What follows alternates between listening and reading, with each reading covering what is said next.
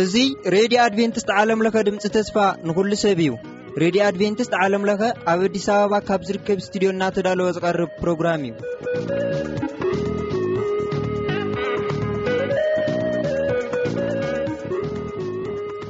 በብዘለኹም ምዃንኩም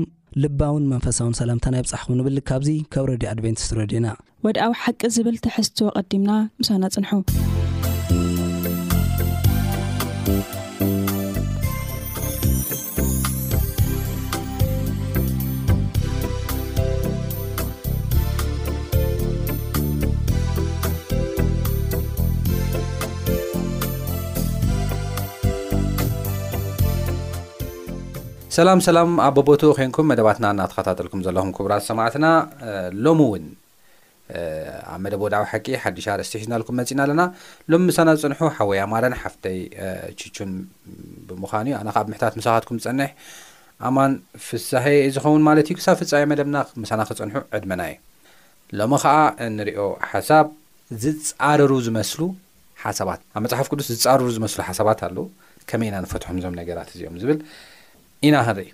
እሞ ክሳብ ፍጻሜ መደብና ምሳና ክጸንሑ ዓደምኩ። ከም መእተዊ ጥቕስና ኣብ ዮሃንስ ወንጌል ምዕራፍ ሓሙሽተ ፍቕዲ ሰላሳን ትሽዓተን ዘሎ እየ፣ ከምዚ ድማ ይንበብ። ናይ ዘለኣለም ህይወት በተን ጽሑፋት እትረኽቡ እናመሰለኩምሲ ትምርምርወን ኣለኹም፣ ንሳተን ከኣ ብዛዕባኤን ዝምስክራ።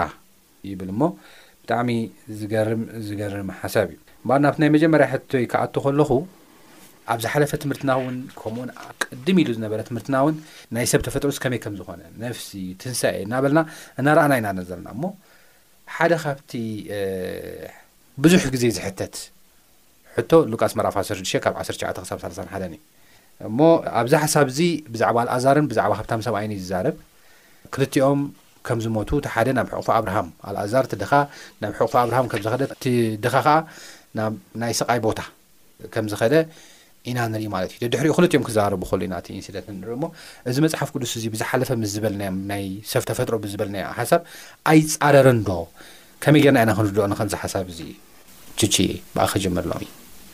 ኣብ ሉቃስ ዓሰርተ ሽዱሽተ ካብ ዓሰርተ ትሽዓተ ጀሚርና ክንርኢ ከለና እቲ ሃብታም ዝሰብ እና ከምኡ ከዓ ኣልኣዛር ብሓደ ከም ዝኾነ ኢና ንርኢ ማለት እዩ እና ገለ ገለ ሰባት ክገልጹ ከለው መጽሓፍ ቅዱሳዊ ናብ ዘይኾኑ ኣረኣእያታት ክወስድዎ ከሎ ኢና ንርኢ ካብቲ ዝሓለፈ ሰሙን ከምዚ ካብ ዝረኣናዮ ማለት እዩ እና መጀመርያ ነገር ክንርዳእ ዝግባኣና ክርስቶስ እዚ ነገር እዚ ምስ ሰላ እዩ ተዛሪብዎ ምሳላ ማለት ንኣብነት ክርስቶስ የሱስ ብዛዕባ እቲ ዝጠፈኣ ወዲ ተዛሪብዎ ኣሎ። ጠፈኣ ወዲ ካብ ኣቡኡ ተፈልዩ ከይዱ ገለ ገለ ቦታ ርእዩ ኮኔታት ኣይኮነ እዚ ብምሳላ ላበለ ይዛረቦም ነይሩ ብዛዕባ ዘርኢ ይዛረብ ነይርዎ ዶ ሕዚ እቲ ዋና ነገር ኣብ ገሃነም ዝነብር ሰብ እዪ ኣብ ገነት ዝነብር ሰብሲ ብርግፅ እርስ በርሱ ይዘራረብ ዶ ዋላ እዚ ንርኣዮ ዋቃ ሪያሊቲ ንርኣዮ እዚ ምድሪ ለሎ ሪያሊቲ እኒና ድሕሪ ሞትሲ ኣካልና እንታይ እዩ ኣብ መሬት ይዓርፍ ዶ ይዓርፍ ዓይንና ፃቢእስና ምልሓስና ካሊእ ካሊእ መንፈስና ንቑሑ ኮይኑ ክፀንሕ ይኽእል ዶ የለን ኦረዲ በቃ ኣቢሉ እዩ ማለት እዩ ሕዚ ኣብ ሉቃስ ዘሎ ሓሳብካ ደኣ እንታይ እዩ ይብለና ኣሎ ደሃር ብምልሓስካ እንዳውም እንታይ ይብል እቲ ሓሳብ ዋላ ንእሽተን ተንብብና ጽቡቅ እዩና ይዘራረቡ እዞም ክልተ ሓደ ኣብ ገነት ሞይቱ ኣብ ገነት ለኣተየና ሓደ ከዓስ ሞይቱ ኣብ ሲኦል ለኣተየ ማለት ክልቲኦም እንታይ ይገብርሎ ይዘራረብ ኣለውና ሉቃስ 16 ኣውፂና ተወሰነ ተንቢብና ደስ ይብለኒ ካብ ቁጽሪ ዓሰርተ ትሽዓተ ጀሚሩ ቀይሕ ክዳን ክቡር ቦፍታን ዝኽደን ኩሉ መዓልቲ ከኣ እናጋየጸ ዝሕጎስ ሃብታም ሰብኣይ ነበረ እዚ ሰብኣይ ነይሩ። ኣልኣዛር ዝስሙ ድኻ እውን ብቁስሊ ተወሪሱ ኣብ ኣፍ ደገ ወዲቁ ነበረ። እዚኦም ክልተ ሰባት ኣለው ማለት እዩ። እዚ እቲ ሃብታም ሰብኣይ እቲ ድኻ ምስ ሞተ መላእክቲ ናብ ሕቁፊ ኣብርሃም ወሰድዎ። እቲ ሃብታም ከኣ ምስ ሞተ ቀበርዎ። እንዳውም እኮ ኣብርሃም እስቲ ኣብርሃም ሰብ እንድዩ።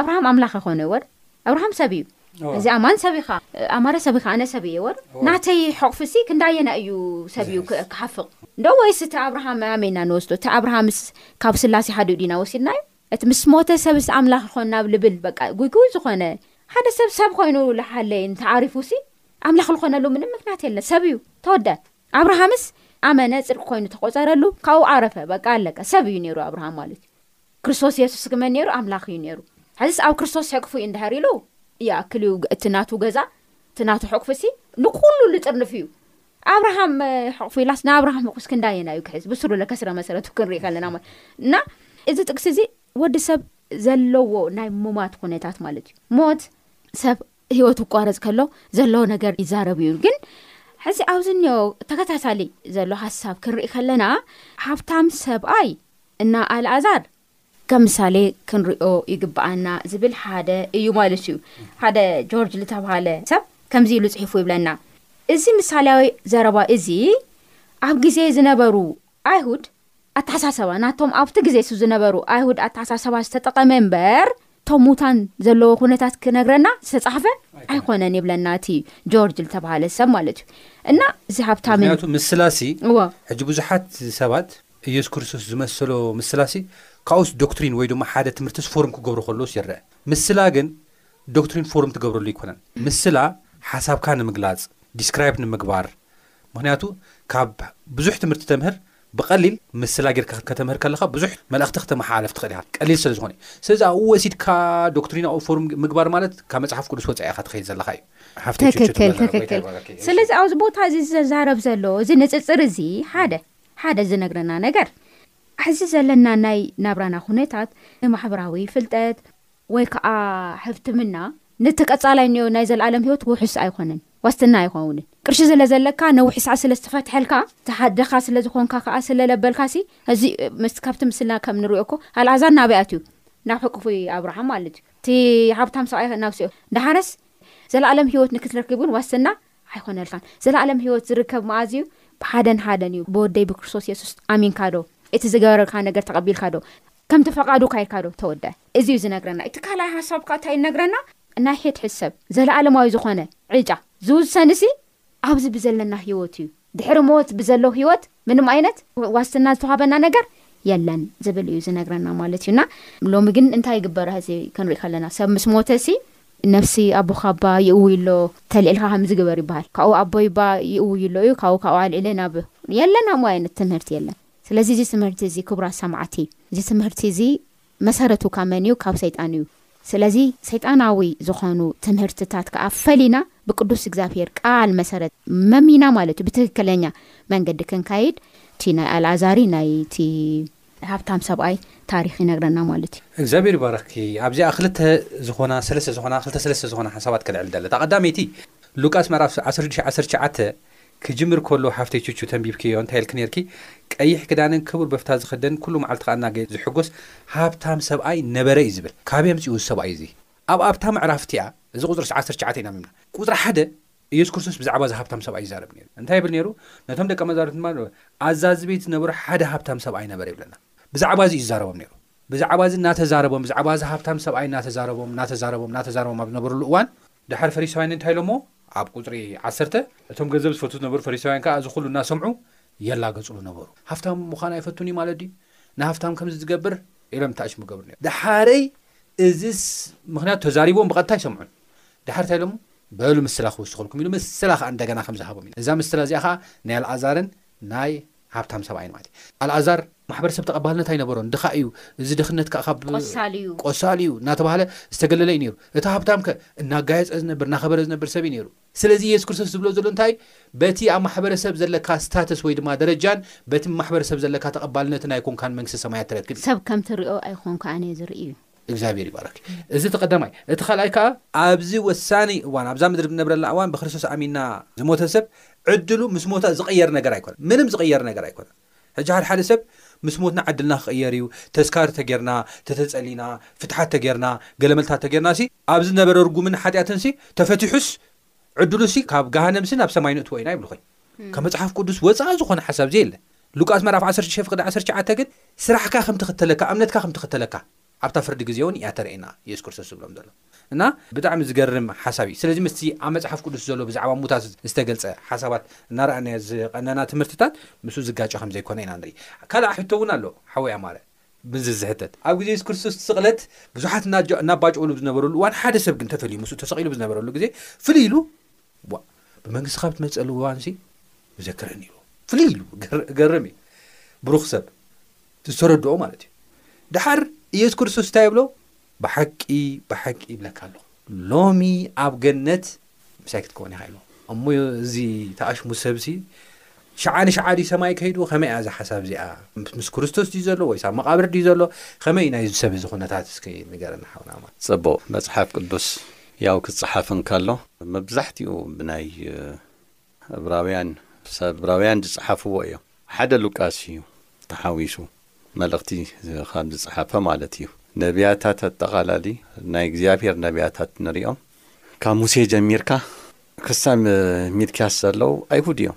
እዚ መጽሓፍ ቅዱስ ክነጽንዕ እንከለና ፈለማ ክንልምን ዝግበእና ጸሎት ክንገብር ኣለና ምእንቲ ክርደእና መንፈስ ቅዱስ ኣእምሮና ክኸፍተልና። ካልኣይ ናይ ኣይሁድ ባህሎም ክንክተል ኣለና ታሪኮም ክንርኢ ኣለና እቲ ናይ ጆግራፊካሊ ኣቀማምጠኦም ኩሉ እዚ ሪኢና ኢና እቲ መጽሓፍ ቅዱስ ክንርድኦ ንክእል ኣብዚኣ እንታይ እያ ትብል ክልተ ዓመጸኛታት ምስ ጎይታና የሱስ ክርስቶስ ተሰቒሎም እዮም ስለዚ እቲ ሓደ እንታይ ካብቶም ዝተሰቐሉ ገበርቲ ክፉእ ሓደ ንስኻ ክርስቶስ እንተ ኾይንካ ንርእስኻ ኣድሕን ኣድሕን ኢሉ የላግጸሉን እቲ ካልኣይ ግን። ኣታ ኣብዚ ከምዚ ዘበለ ፍርዲ ኮሎናስ ኣምላኽ ዶ ኣይትፈርሕን ኢኻ ንሕናስ ብሓቂ ብግብርና ዝግበእና ተፈዲና እዚ ግን ሓንቲ ክፋእት እኳ ኣይገበረን ኢሉ ገንሖ ንየሱስ ከኣ ጎይታይ ብመንግስትኻ ምስ መጸኻ ዘክረኒ በሎ የሱስ ድማ ሎሚ ምስ ምሳይ ኣብ ገነት ከምኡ ክትከውን እዩ ብሓቂ እብለካ ኣለኹ ኢሉ። ኣብዚ ክንርኢ ዝግበእና ጎይታና የሱስ ክርስቶስ እዞም ክልተ ዓመጸኛታት ብሓደ ናይ ሞት ፍርዲ ተፈሪድዎም ኣብ መስቀል እናሃለዉ እዮም እዚ ኩነታት ዝዘራረቡ ዘለዉ ግን ዝገርም ሰለስቲኦም ግን ሞይቶም እዮም። ጎይታ እውን ዓሪፉ ሞይቱ ክልቲኦም እውን ሞይቶም እዮም። ዝገርም ግን ጎይታና የሱስ ክርስቶስ እንታይ ኮይኑ ኣብ ሳልስቲ መዓልቲ ተላዒሉ እዩ። እቲ ሓደ ዓመጸኛ ኣበይ ምስ ጎይታ ሎምዓንቲ ክብሎም እንከሎ ንርኢ ኢና። ስለዚ መጽሓፍ ቅዱስ ምሳላዊ ዘረባን ክርኢ እንከለና ምሳሊ ምሳሌ ጎይታና የሱስ ክርስቶስ ብዙሕ ስብከታት ሰቢኹ እዩ። እዚ ነፍሲ ኣይትመውትን እኒሀ እንዶ ወዲያውኑ እንዶ ናብ ገነት ኣትዩ ኢሎም ብዙሓት ናይ እዚ ናይ መጽሓፍ ቅዱስ ዝቕበሉ ከም መርትዖ ገይሮም ዘቕርብዎ ጥቕሲ እዩ እዚ ጥቕሲ እዚ ማለት እዩ ስለዚ ንሕና ክንርዳእ ኣጠቓላሊ እቲ ሓሳብ ክንርድኦ ኣለና ሎም መዓንቲ ምስ በሎ ዝሃቦ ተስፋ ኣሎ ጎይታ እንዲያውም ምስ ተልዓለ ናብ ኣቦይ ናብ ኣቦኹም ናብ ኣምላኸይ ናብ ኣምላክ ከይትንክፈኒ ገና እርገት እውን ኣይገበረን ጎይታን የሱስ ክርስቶስ ኣርባዓ መዓልቲ ብዛ ምድሪ ጸኒሑ እዩ ሰላም ንኣኻትኩም እናበለ ንሃዋርያት ተራእይዎም እዩ እዞም ናብ መገሻ ዝኸዱ ዝነበሩ ናይ ኤማሆስ ሰባት እውን ተራእዮም ኣሎ ንሓሙሽተ ሚእቲ ሰባት ተራእዩ ናብ ገነት ግን ኣይከደን ናብ ሰማይ የደየበ ነይሩ ስለዚ ጎይታ ንሱ ኢየሱስ ናብ ሰማይ ክርስቶስ። እንተ ደኣ ደይደይቡ እወ፣ እቲ እቶ- ተስፋ ተኣተወሉ ከታር እውን እወ፣ ናብ ሰማይ ገና፣ ኣይኣተወን እዩ እወ።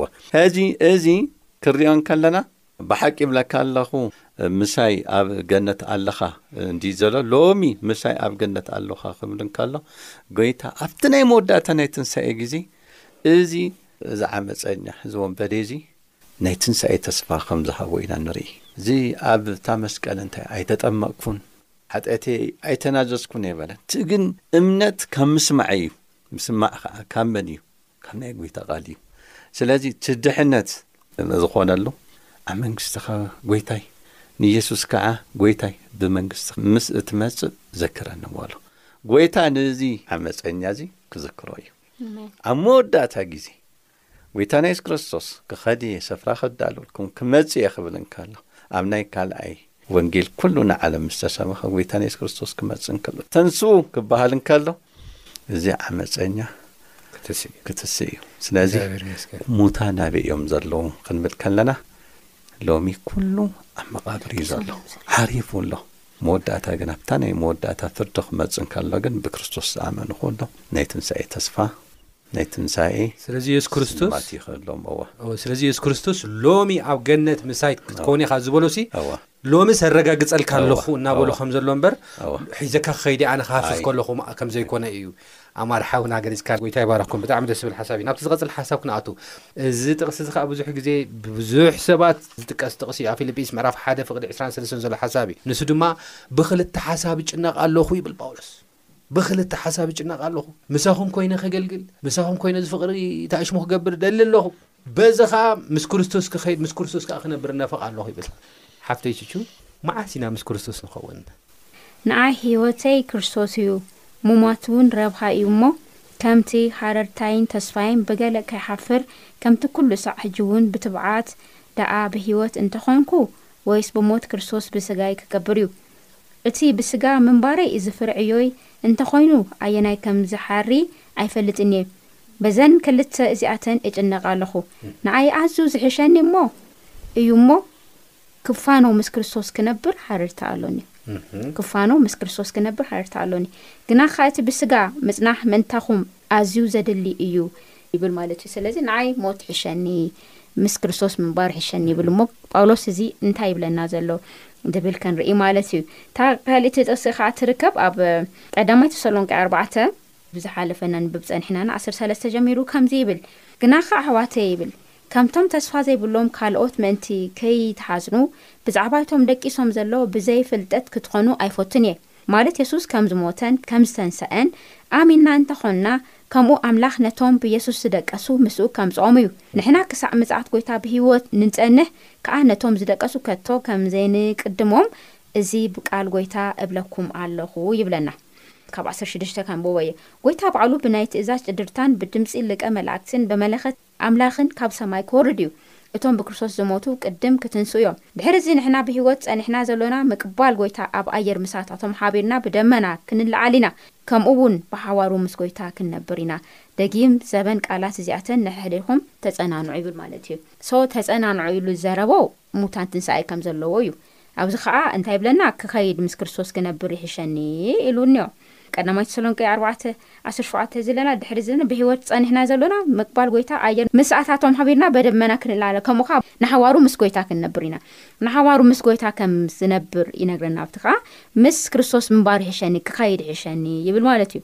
እዚ ምስ ክርስቶስ ምዃን ወይ ከኣ ምስ ክርስቶስ ሓቢረ ክኸውን እየ ክብል ከሎ እንታይ ማለት እዩ ዝብል ሕቶ ከኣ ኢኻ ሓቲትካና እኒኢኻ እና እዚ ሰብ እዚ ሞት በዓሉሲ ናይ መን ንብረት እዩ ይብለልና እንዶ ናይ ክርስቶስ የሱስ ንብረት እዩ ሞት በዓሉ ይብለና ነቲ ዘድሕነና ነቲ ብህይወት ክንነብር ሞት ስዒሩልና ንተንሰአ ጎይታና መድሓኒ የሱስ ክርስቶስ ንሱ እቲ ንብረትነቱ ናይ ሞት እውን ስልጣን ኣብ ሞት እውን ዘለዎ ባዕሉ ክርስቶስ እዩ ኢሉ ይነግረና ማለት እዩ ንምንታይሲ ኣብ ሮሜ ሸሞንተ ሰላሳን ሸሞንተን ጀሚርና ክንርኢ ከለና ካብ ፍቕሪ ክርስቶስ መን ኮን ይኹን ክፈልየና ይብል ማለት እዩ ጳውሎስ ካብ ፍቕሪ ክርስቶስ መን ኮን ይኹን ክፈልየና ኢሉ ምስ ተዛረበ ዝተወሰኑ ሓሳባት ይነግረና ሰላሳን ሸሞንተን ከ ኢልና ክንርኢ ከለና ሸሞንተ ሰላሳን ሸሞንተን ሮሜ ከምዚ ይብል ሞት ኮነ ወይስ ህይወት መላእክቲ ኮኑ ወይ ገዛእቲ ዘሎ ኮነ ወይ ዝመጽእ ወይ ሓይልታት ልዕሊ ዝበለ ኮነ ወይ ትሕቲ ዝበለ ካሊእ ፍጥረት እውን እንተኾነ ካብታ ኣብ ክርስቶስ የሱስ ጎይታና ዘላ ፍቕሪ ኣምላክ ከቶ ክፈልየና ከም ዘይኮነሉ እርግጽ ኣለኹ እሞ በዚ ኹሉ በቲ ዛፍቀረና ኣጽብቅና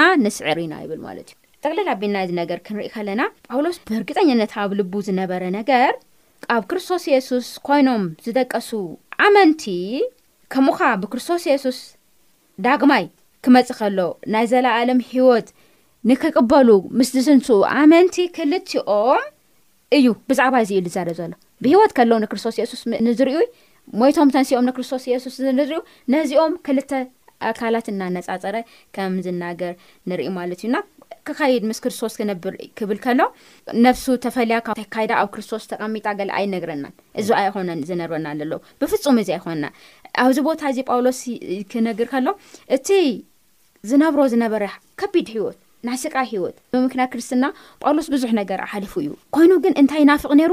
እቲ ዘዕርፍ ዕረፍቲ። ድሕሪ ሞት ይኹን ናቲ ዓስቢ ናቲ ለካዶ መንገዲ መወዳእትኡ ይናፍቕ ከም ዝነበረ እዚ ሓሳብ እዚ ይነግረና ማለት እዩና። ጽድቂ ኣክሊል ኸኣ ንኣይ ልወለይ እሱ ኸኣ እቲ ጻድቅ ዝኾነ ጎይታይ መድኃኒየይ መጺኡሲ ክህበኒ እዩ እናበለ ክዛረብ ከሎ ኢና ንርኢ። ስለዚ ኣብዚ ቦታ እዚ ጳውሎስ እንታይ እዩ ክብለና ደልዩ ማለት እዩ? ጳውሎስ ብሓጺሩ ምስ ተፈለየና ወይ ከኣ ምስ ሞትና ዝንፈልጦ ነገር የለን ግን እቲ ኣብ ሰማይ ደመና ካብ ላዕሊ ምስ ተገልጸ ብድምጺ መለኸት ምስ ተገለጸሲ ካብቲ ድንቃስ ናታይ ንበራበር። ሽዑ እንታይ እዩ እቲ ተስፋ ዝጸንሐና ተስፋ ክንረክብ ዝብል እዩ ዝነግረና ዘሎ ማለት እዩ።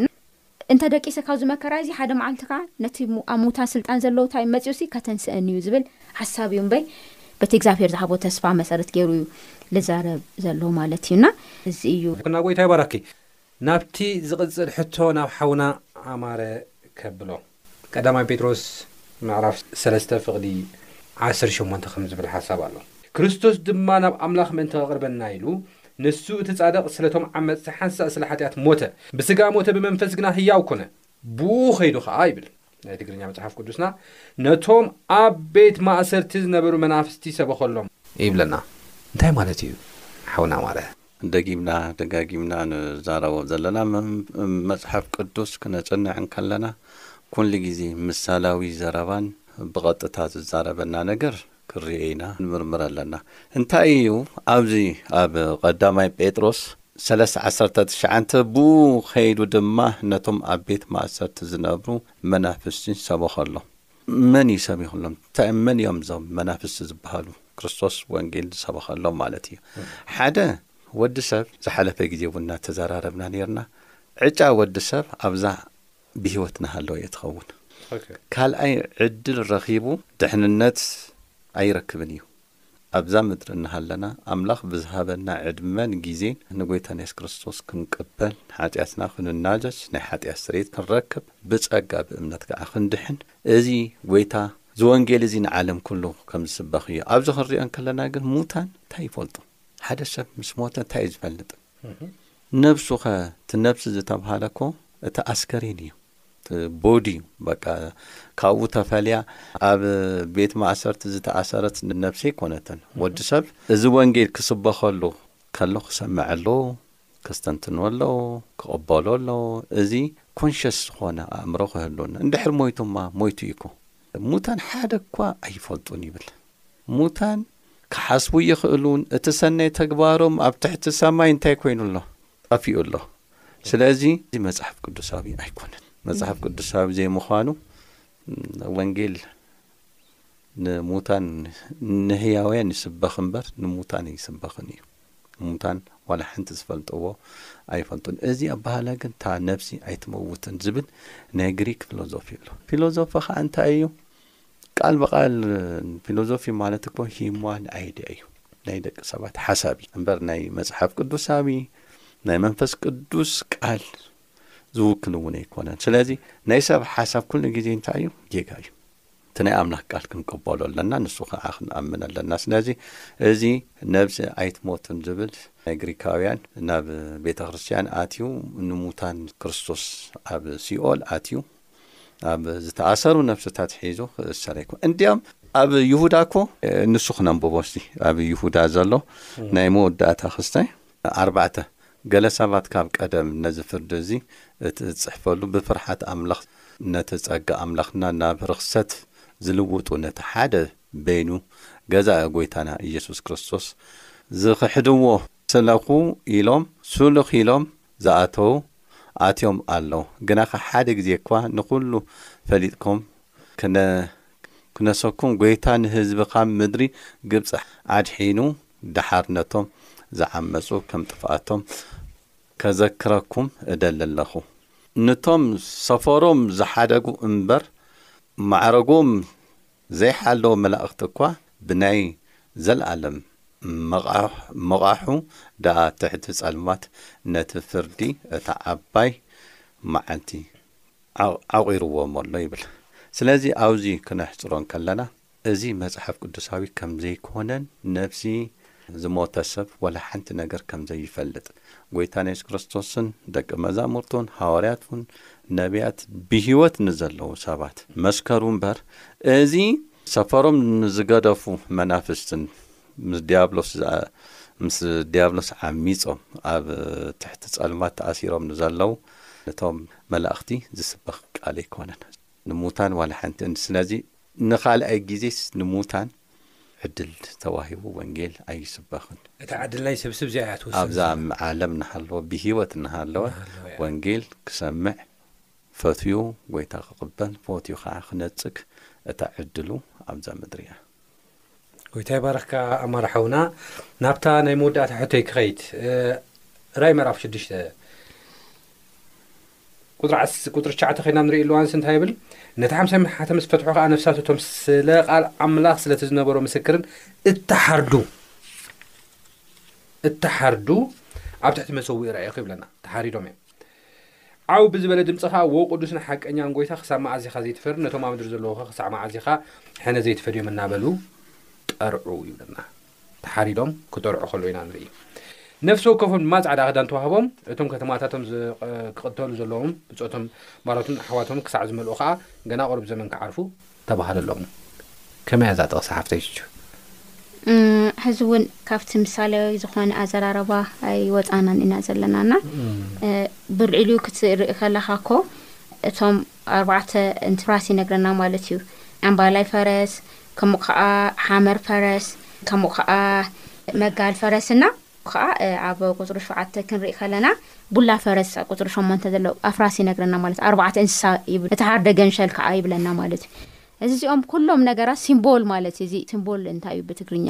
ምሳሌ ምሳሌ ምልክት ምልክት ድዩ?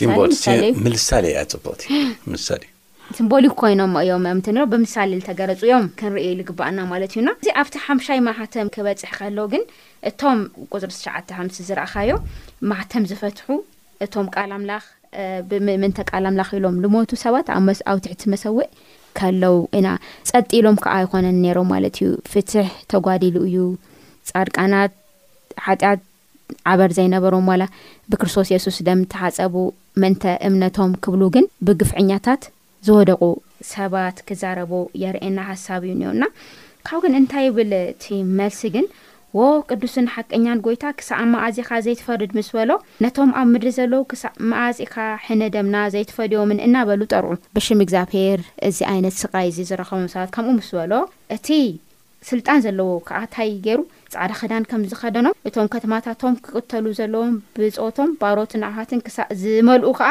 ቁሩብ ዘመን ክኣርፉ ተባህለኖም ብሰላም ዕረፉ ጽድቅኩም ስራህኩም ክክተለኩም ውን ብሰላም ዕረፉ ኢሉ ከም ዝዓረፉ ኢና ንርኢ ማለት እዩ እና እዚ ሐሳብ እዚ ዝነግረና ነገር እንታይ ኣሎ ማለት እዩ ብዘይ ፍትሕ ኢፍትሐውነት ኢፍትሐውነት ብዝኮነ ነገር ዝሳቀይ ሰብ ፍትሕ እናበለ ውሽጡ ይሓርርዋ ዶ? ውሽጡ እናሓረረ ግን ብዘይ ፍትሕ በቲ ዝረኽቦ ስቓይ ናብ ሞት ካይ ታይ ክኸውን ይኽእል ይወርድ።